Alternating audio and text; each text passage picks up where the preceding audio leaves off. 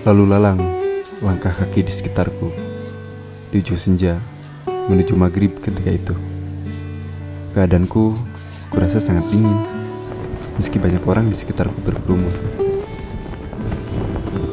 Entah angin yang terlalu kencang bertiup menghantamku Atau mungkin ragaku saja yang terlalu rentan.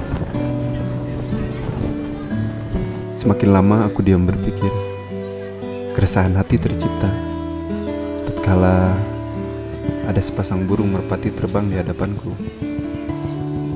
Begitu indah kulihat mereka terbang bebas Tanpa memperdulikan kawanan merpati lain di sekitarnya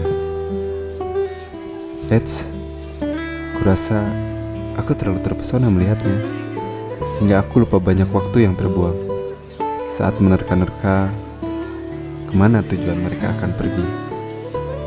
Langit yang tadinya jingga merona, kini telah berubah menjadi gelap, menutup hari yang telah usai.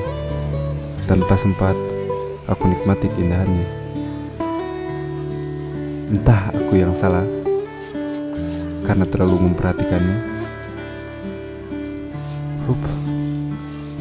Atau merpati itu yang terlalu indah hingga bisa mencuri pandanganku tanpa aku sadari. Ah, sudahlah. Aku terlalu banyak berargumen dengan pikiranku sendiri. Sekarang aku beristirahat saja dan bersiap menjadi lebih baik. Karena masih ada hari esok yang menungguku untuk bergegas menyambut mentari pagi yang akan menyinariku.